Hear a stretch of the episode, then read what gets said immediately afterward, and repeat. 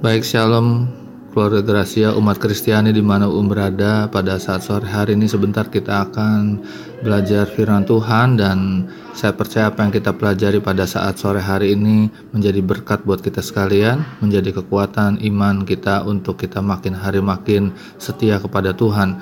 Mari kita akan berdoa terlebih dahulu sebelum kita akan mendengarkan kebenaran firman Tuhan pada saat ini. Bapa dalam surga, terima kasih untuk kebaikan dan kemurahan Tuhan. Kami boleh ada sebagaimana kami ada pada saat ini. Itu karena anugerah Tuhan, karena kebaikan Tuhan yang terus-menerus Engkau berikan dalam hidup kami. Tuhan, pada saat hari ini sebentar kami akan mendengarkan kebenaran firman Tuhan Tuhan uh, berkati firman-Mu yang disampaikan pada saat ini. Setiap pendengar yang sedang mendengarkan program Mutiara Jiwa pada sore hari ini Tuhan berkati mereka semua berikan pengertian pemahaman untuk mereka dapat menangkap apa yang menjadi kehendak Tuhan rencana Tuhan dalam kehidupan kami. Terima kasih banyak Tuhan. Kami mengucap syukur kami sudah berdoa dalam namamu. Haleluya.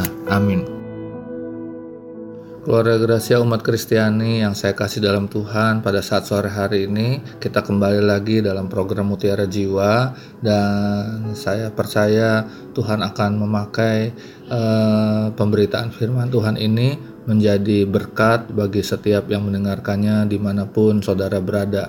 Dan saya percaya juga Tuhan akan menolong kita untuk kita dapat memahami apa yang menjadi rencananya, kehendaknya dan juga uh, firman-Nya bagi kita sekalian pada saat sore hari ini. Kita ada di hari-hari daripada uh, memperingati kebangkitan Yesus dan uh, saya percaya juga Tuhan akan menolong kita uh, agar kuasa kebangkitan itu menjadi nyata juga dalam kehidupan kita, menjadi kekuatan untuk kita melewati hari-hari kita di sepanjang kehidupan ini dan kita akan mendengarkan pada saat sore hari ini uh, beberapa ayat dari firman Tuhan yang saya ambil dalam Injil Matius pasal yang ke-28 dari ayat yang pertama sampai dengan ayat yang ketujuh. Di sana dikatakan seperti ini. Setelah hari sabat lewat, menjelang menyingsingnya fajar pada hari pertama minggu itu, pergilah Maria Magdalena dan Maria yang lain menengok kubur itu maka terjadilah gempa bumi yang hebat sebab seorang malaikat Tuhan turun dari langit dan datang ke batu itu dan menggulingkannya lalu duduk di atasnya. Wajahnya bagaikan kilat dan pakaiannya putih bagaikan salju dan penjaga-penjaga itu gentar ketakutan dan menjadi seperti orang-orang mati. Akan tetapi malaikat itu berkata kepada perempuan-perempuan itu, "Janganlah kamu takut, sebab aku tahu kamu mencari Yesus yang disalibkan itu." Ia tidak ada di sini, sebab ia telah bangkit, sama seperti yang dikatakannya. Mari lihatlah tempat ia berbaring, dan segeralah pergi dan katakanlah kepada murid-muridnya bahwa ia telah bangkit dari antara orang mati. Ia mendahului kamu ke Galilea, di sana kamu akan melihat dia, sesungguhnya aku telah mengatakannya kepadamu. Keluarga Gracia, umat Kristiani yang saya kasih dalam Yesus, kita membaca beberapa ayat dari firman Tuhan yang baru saja saya uh, bacakan. Di sana uh, kita melihat ada Maria Maria yang datang menengok kubur Yesus, ada Maria Magdalena dan ada Maria yang lain. Dan kita membaca dalam firman Tuhan itu mereka pergi ke kubur Yesus fajar ya sebelum fajar menyingsing artinya pagi-pagi banget ya pagi-pagi benar uh, mereka datang untuk berziarah lah kalau saya boleh katakan dan ketika mereka datang di kubur Yesus mereka melihat bahwa batu yang menutup kubur Yesus itu sudah tergolek, sudah terbuka. Batu yang sangat berat itu sudah tidak lagi di tempatnya. Dan kita membaca ketika mereka melihat kubur itu, mereka berjumpa dengan uh, malaikat Tuhan dan malaikat Tuhan ini berkata, uh, "Jangan takut sebab uh, aku men, uh, tahu kamu mencari Yesus yang disalibkan." Jadi malaikat ini ketika melihat Maria Magdalena dan Maria yang lain, malaikat ini memberikan kata-kata uh, yang sangat baik. Dia bilang, uh, saya tahu kamu datang ke sini mencari Yesus yang sudah disalibkan, tapi dia tidak di sini. Dia sudah bangkit. Keluarga Gracia umat Kristiani yang saya kasih dalam Yesus, kita membaca dalam firman Tuhan pada hari ini ada beberapa hal yang sangat penting ketika kita membicarakan mengenai kebangkitan Yesus, mengenai uh, ya kebangkitan Yesus. Dan ada beberapa hal yang saya mau sampaikan kepada keluarga Gracia umat Kristiani di mana pun berada dan uh, saya percaya ini akan menolong kita untuk dapat memahami apa yang uh, Tuhan inginkan dalam kehidupan kita. Hal yang pertama sekali, kalau kita bicara soal kebangkitan Yesus, hal pertama yang sangat penting adalah uh, di dalam Injil Yohanes pasal 20 ayat 1 dan ayat 9 di sana dikatakan seperti ini. Setelah hari Sabat lewat, menjelang menyingsingnya fajar pada hari pertama minggu itu, pergilah Maria Magdalena dan Maria yang lain menengok kubur itu Sebab selama itu mereka belum mengerti isi kitab suci yang mengatakan bahwa ia harus bangkit dari antara orang mati. Hal yang pertama yang saya mau sampaikan kepada saudara bahwa kalau kita bicara soal kebangkitan Yesus, satu yang paling penting dalam dalam berita ini adalah Yesus menggenapi janji Tuhan. Yang kita baca dalam firman Tuhan ini dikatakan ketika Maria Magdalena dan Maria yang lain datang ke kubur Yesus, mereka melihat apa yang sudah terjadi, apa yang sudah terjadi pada kubur itu, mereka tidak menemukan Yesus yang uh, jenazah Yesus, mereka tidak menemukan ya sesuatu di dalam kubur itu, hanya mereka uh, berjumpa dengan malaikat dan malaikat memberitahu bahwa Yesus sudah bangkit, Yesus yang disalibkan itu dengan jelas kata malaikat ini, Yesus yang disalibkan yang kamu cari itu sudah tidak ada di sini, sudah bangkit, sudah keluar dari kubur ini. Keluarga rahasia umat Kristiani yang saya kasih dalam Yesus, kita membaca dalam firman Tuhan banyak sekali nubuat-nubuat tentang uh, uh, penderitaan, tentang kematian, tentang penguburan, bahkan tentang kebangkitan dan kenaikan daripada uh, Yesus. Di sini kita membaca ada beberapa ya ada beberapa ayat-ayat yang saya sempat catat nubuat tentang kematian Yesus itu ada dicatat di dalam kitab Mazmur, dalam kitab Zakaria, di dalam kitab Keluaran dan kitab Yesaya uh, mengenai tangan, kaki yang akan dipaku, kemudian bagaimana dia dihina, dicaci. Kemudian kita juga membaca dalam uh, Alkitab di sana dikatakan juga ada tentara-tentara yang membuang undi untuk pakaiannya, ada tulang yang tidak dipatahkan, kemudian juga bagaimana Yesus ditinggalkan uh, oleh bapaknya ya ketika dia ada di gantungan salib. Uh, kemudian juga diceritakan uh, tentang bagaimana Yesus berdoa untuk musuh-musuhnya juga bagaimana lambungnya ditusuk ya dengan tombak lalu juga dikuburkan di tempat orang kaya kita melihat ini semua nubuat-nubuat ini ada digenapi di dalam Yesus ketika Yesus uh, menderita sengsara dan mati uh, dikuburkan dan dia bangkit. Uh, ada juga nubuat tentang kebangkitan Yesus juga dicatat dalam kitab Mazmur bahwa di sana dicatat bahwa dia akan bangkit dari kematian. Lalu juga tentang kenaikannya ke sorga juga dicatat dalam kitab Mazmur bahwa dia akan naik ke sorga dan duduk di sebelah kanan Bapa.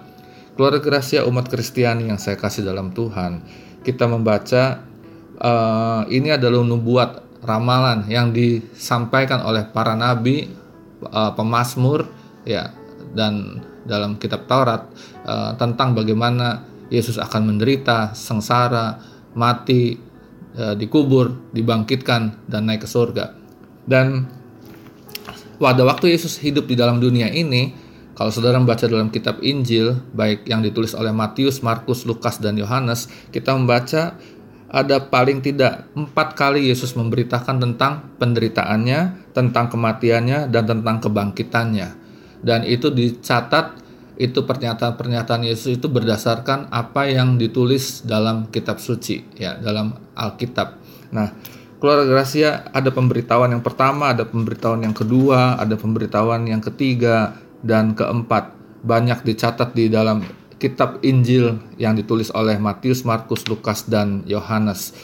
Keluarga Gracia umat Kristiani yang saya kasih dalam Tuhan, uh, kita membaca di sana ada orang-orang ternyata yang tidak percaya akan kebangkitan Yesus. Itu sebabnya uh, kita perlu belajar bahwa mempercayai kuasa kebangkitan itu sangat penting. Yang pertama ada beberapa penghalang yang uh, perlu kita tahu bagi uh, orang tidak bisa percaya pada kuasa kebangkitan. Yang pertama adalah orang itu lamban hatinya atau bodoh ya kita menyebutkannya bodoh ya. Uh, yang kedua hatinya degil. Hatinya degil artinya orang itu nggak bisa diajar, orang itu nggak bisa dikasih tahu. Sudah tahu tapi tidak bisa dikasih tahu. Itu hatinya degil. Orang yang uh, banyak mengerti atau banyak uh, membaca tapi tidak memahaminya. Sekalipun dikasih tahu dia uh, tidak menerima, ya itu hatinya degil.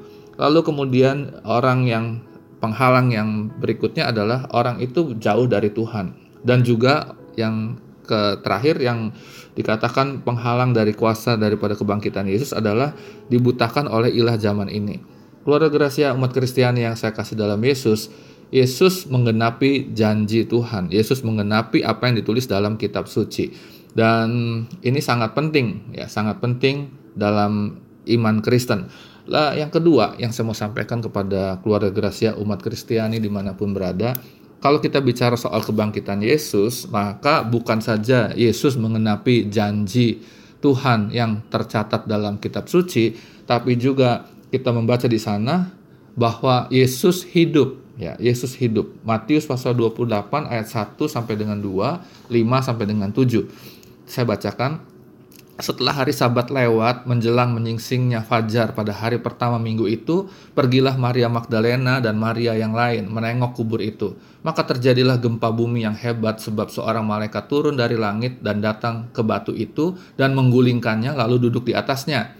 Ayat 5 sampai 7, akan tetapi malaikat itu berkata kepada perempuan-perempuan itu, "Janganlah takut kamu takut sebab aku tahu kamu mencari Yesus yang disalibkan. Jelas sekali malaikat berkata yang dicari adalah eh, Yesus yang disalibkan. Jadi bukan Yesus yang lain, tapi Yesus yang disalibkan.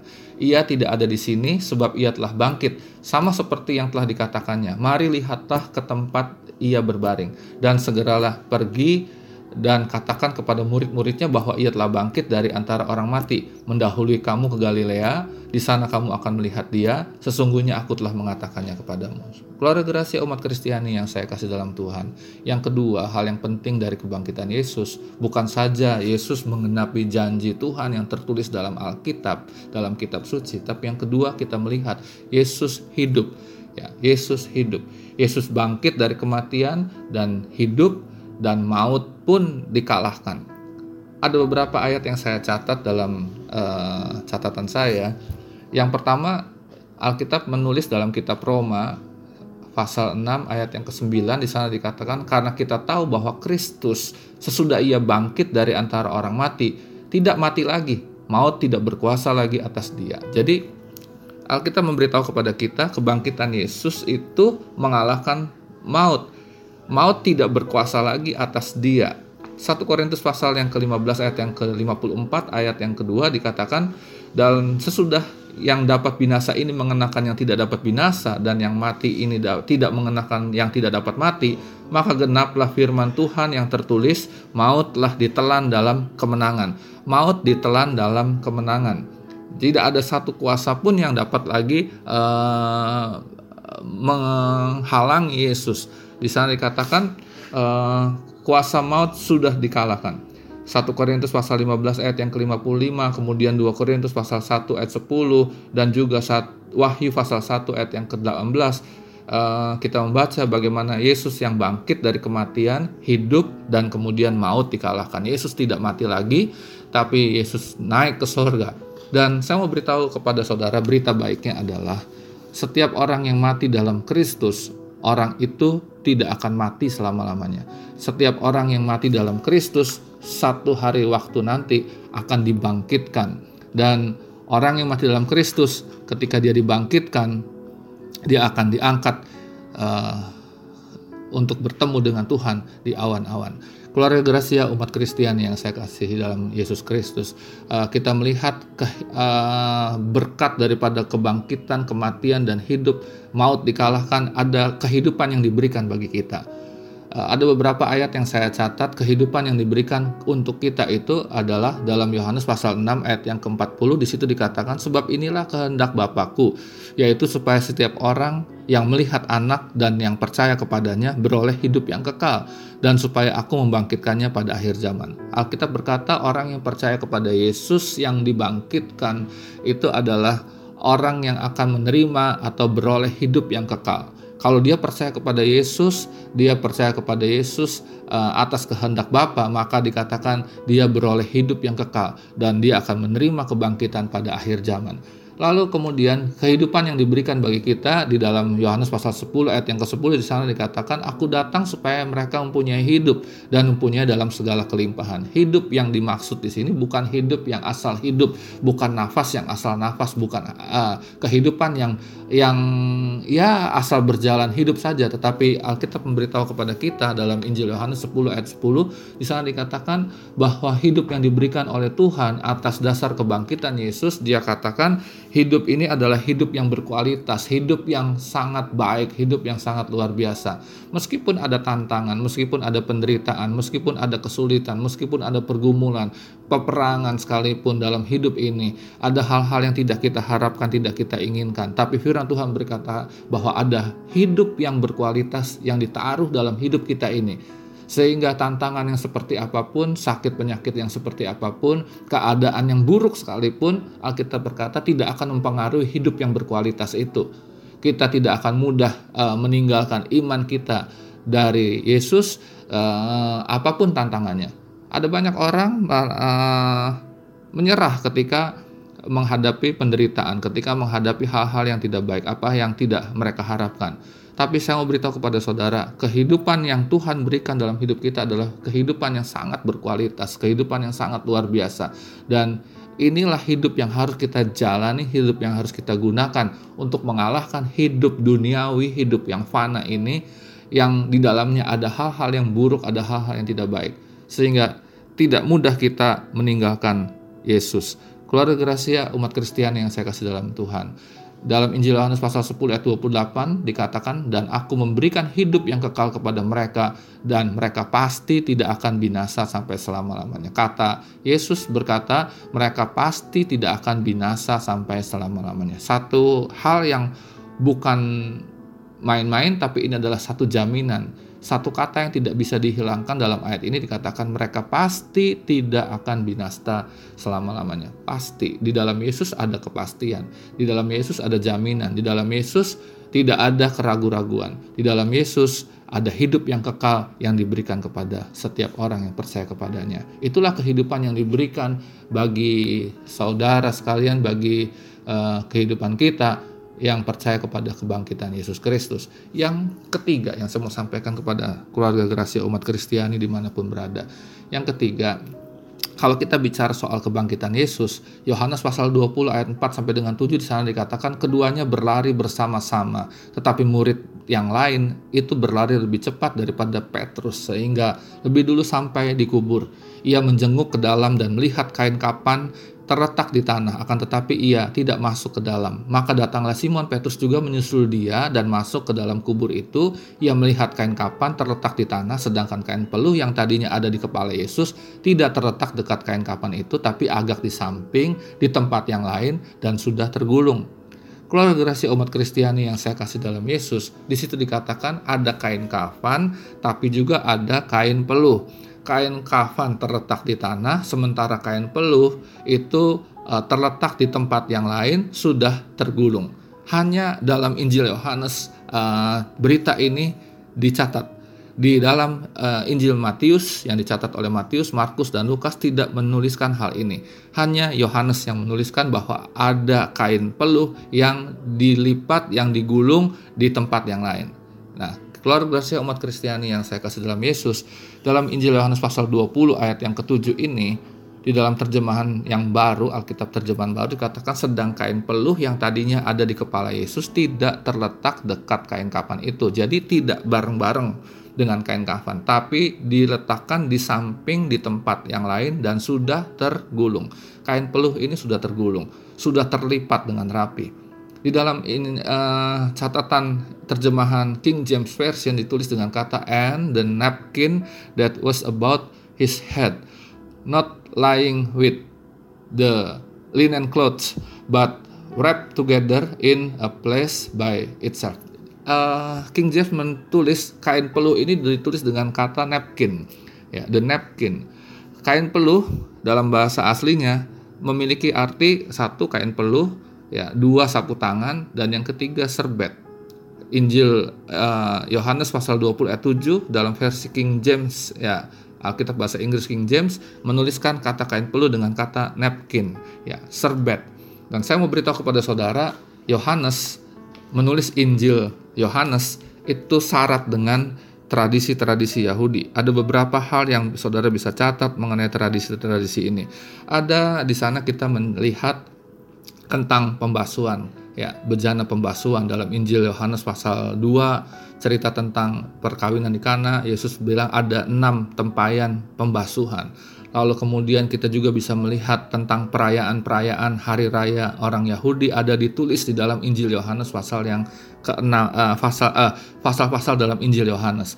Dan juga masih banyak hal-hal yang lain yang ditulis oleh Yohanes mengenai tradisi-tradisi orang Yahudi dan itu sangat penting. Dan kita melihat dalam pasal yang ke-20 ayat yang ke-7 ini juga berkaitan dengan apa yang menjadi tradisi orang Yahudi. Soal makan, Saudara. Tuan, hamba, ya, dan anak laki-laki Yahudi akan tahu tradisi ini, ya. Tuan, majikan, dan hamba dan juga anak laki-laki ini tahu tradisi itu.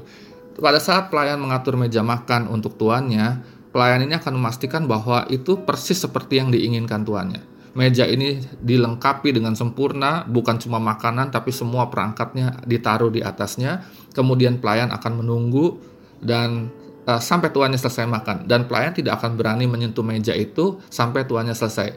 Nah, jika tuannya selesai makan, dia akan bangun dari uh, dari tempat duduknya, dia menyeka jari-jarinya, mulutnya, kemudian membersihkan janggutnya dan menggu, uh, ya uh, menggulung serbet itu dan melemparkannya ke atas meja. Tetapi pelayan itu akan tahu juga, ya pelayan itu akan tahu uh, itu adalah saatnya waktunya untuk membersihkan meja. Ya, karena kain serbetnya itu sudah dilemparkan di atas meja dan pelayan tahu bahwa uh, uh, si tuan itu akan ber, uh, seolah berkata aku udah selesai dengan makanan ini. Tapi kita melihat ya di bagian yang lain kalau pelayan itu melihat bahwa meja ya meja tempat uh, uh, hatuan itu makan. Ketika dia bangkit dari mejanya dia melipat serbetnya dan kemudian meletakkannya di samping piring pelayan itu tidak akan berani menyentuh meja itu. Karena ada serbet yang dilipat di samping piring di tempat yang uh, dekat dengan piring itu.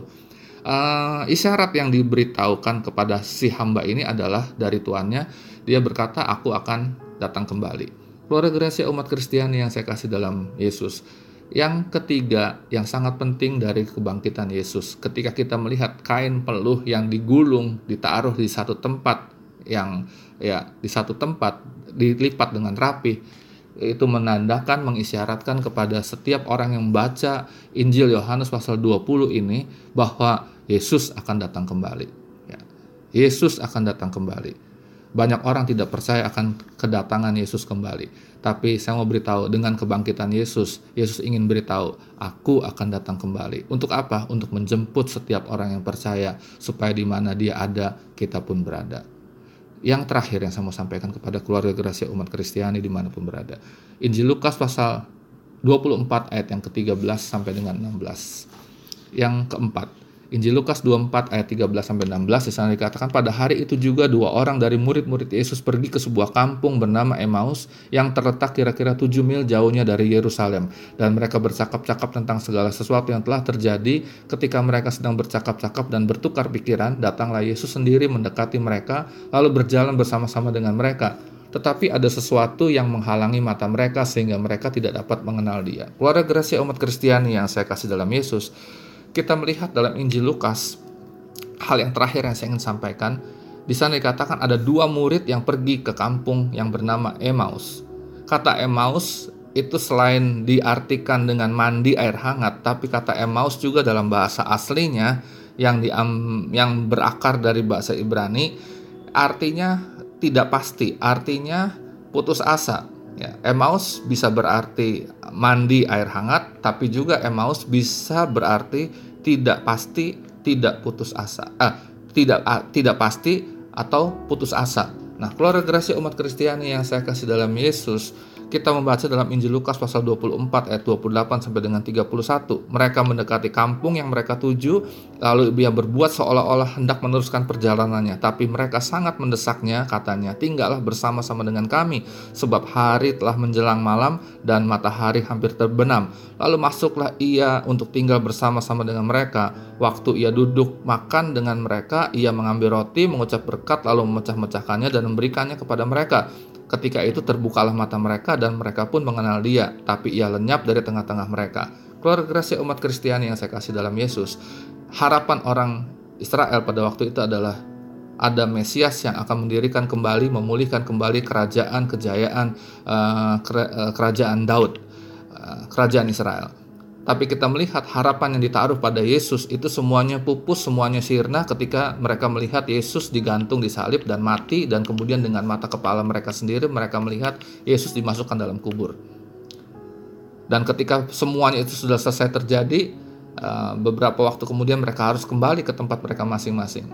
Dan sementara dikatakan dua orang ini kembali berjalan ke tempat mereka, mereka ketemu dengan satu orang yang mereka mereka tidak kenal ya. Meskipun sebenarnya mereka tahu harusnya tapi Alkitab berkata ada sesuatu yang menghalangi mata mereka ada sesuatu yang membuat mereka tidak dapat mengenalinya. Apa itu? Keputusasaan mereka ya. Ketidakpastian yang mereka hadapi. Mereka dalam keadaan yang bimbang dalam keadaan yang ragu. Mereka tidak mempunyai lagi harapan ketika mereka melihat Yesus mati di atas kayu salib dikuburkan. Keluarga kasih umat Kristiani yang saya kasih dalam Tuhan Seringkali keputusasaan itu menjadi penutup atau menjadi penyekat di mana kita tidak dapat melihat kebaikan Tuhan, kita tidak dapat melihat kuasa Tuhan, kita tidak dapat melihat eh, hal-hal uh, yang Tuhan mau kerjakan dalam hidup kita.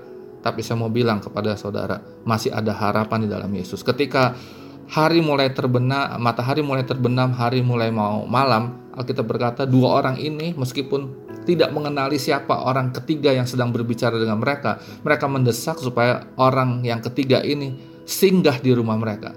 Dan bersyukur kepada Tuhan, mereka melihat bahwa orang yang ketiga ini ternyata Yesus. Ya, ketika mereka melihat Yesus memberi mereka makan, memecahkan uh, roti, mengucap berkat, memberikan kepada mereka, mereka tahu itu Yesus. Keluarga umat Kristiani di tengah-tengah keputusasaan, di tengah-tengah tidak adanya harapan, tidak adanya kepastian dalam hidup ini, dalam uh, kesehatanmu, dalam usaha bisnismu, dalam keluargamu, engkau tidak melihat secercah uh, cahaya.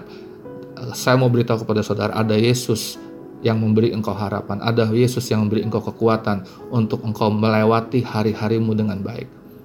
Jangan putus asa, jangan menjadi uh, menyerah. Ada Yesus yang akan menolongmu, ada Yesus yang akan memberkati kehidupanmu, ada Yesus yang akan memberikan engkau kemampuan untuk menjalani hari yang mungkin engkau anggap tidak baik tapi Yesus ada bersama denganmu. Yesus ada bersama dengan engkau, memberikan kekuatan untuk dapat menyelesaikan seluruh rangkaian hidup kita dengan baik. Tuhan memberkati. Amin. Keluarga Gracia umat Kristiani yang saya kasih dalam Tuhan di akhir daripada program Mutiara Jiwa ini. Sebelum kita akan mengakhirinya kita akan berdoa terlebih dahulu dan saya percaya Tuhan akan menjamah kita semua sehingga apa yang kita dengar pada saat sore hari ini uh, sungguh-sungguh memberikan kita kekuatan kemampuan untuk kita makin hari makin mengasihi Tuhan mencintai Tuhan. Terima kasih untuk apa yang Engkau berikan dalam kehidupan kami ya Tuhan. Pada saat sore hari ini kami sudah mendengarkan kebenaran firman-Mu dan kami percaya firman-Mu itu berkuasa, firman-Mu itu akan uh, memberikan kami pertumbuhan rohani yang sehat. Tuhan kami berdoa buat setiap pendengar mutiara jiwa pada saat sore hari ini. Tuhan yang sakit Tuhan sembuhkan, yang susah Tuhan hiburkan, yang lemah Tuhan kuatkan, yang dalam pergumulan, dalam peperangan, Tuhan Engkau berikan kemenangan, Engkau berikan kekuatan, ketabahan, iman untuk mereka. Makin hari makin sungguh-sungguh di dalam Tuhan. Tuhan kami berdoa, kami menyerahkan seluruh usaha mata pencarian daripada umatmu, Engkau berkati keluarga mereka, anak-anak mereka, Tuhan Engkau berkati semuanya, Engkau berkati. Terima kasih banyak Tuhan, terima kasih uh, kami menyerahkan juga uh, radio suara Gracia dalam tangan Tuhan, jadikan berkat bagi jiwa-jiwa yang mendengarkannya, pakailah hamba-hambamu yang melayani melalui mimbar radio suara Gracia ini. Terima kasih banyak Tuhan, kami mengucap syukur, kami sudah berdoa dalam nama Yesus. Haleluya. Amin.